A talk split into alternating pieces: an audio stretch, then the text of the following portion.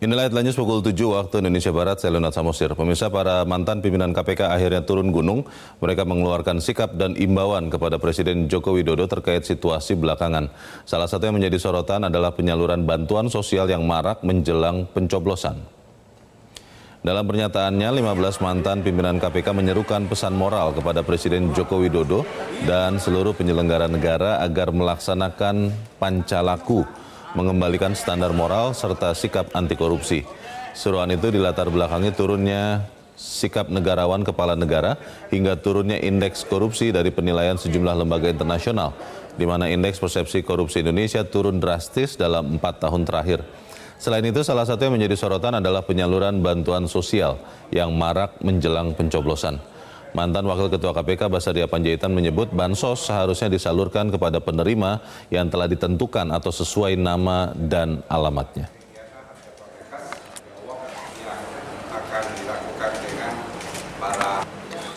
Presiden dan seluruh penyelenggara negara untuk kembali berpegang teguh pada standar moral dan etika dalam menjalankan amanah yang diembannya.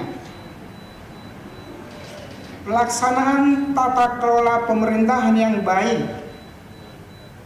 good governance, dan rule of law seharusnya sudah terinternalisasi dalam setiap langkah dan gerak penyelenggara negara.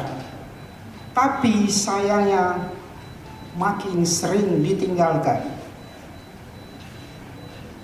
sifat kenegarawanan dan keteladanan seharusnya juga dapat ditunjukkan oleh seorang presiden kepala negara terlebih dalam masa-masa kontestasi pemilihan umum tahun 2024 ini.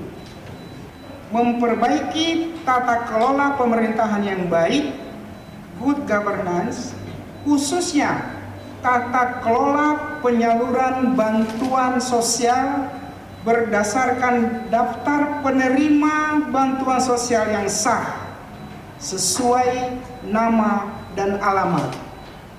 By name by address.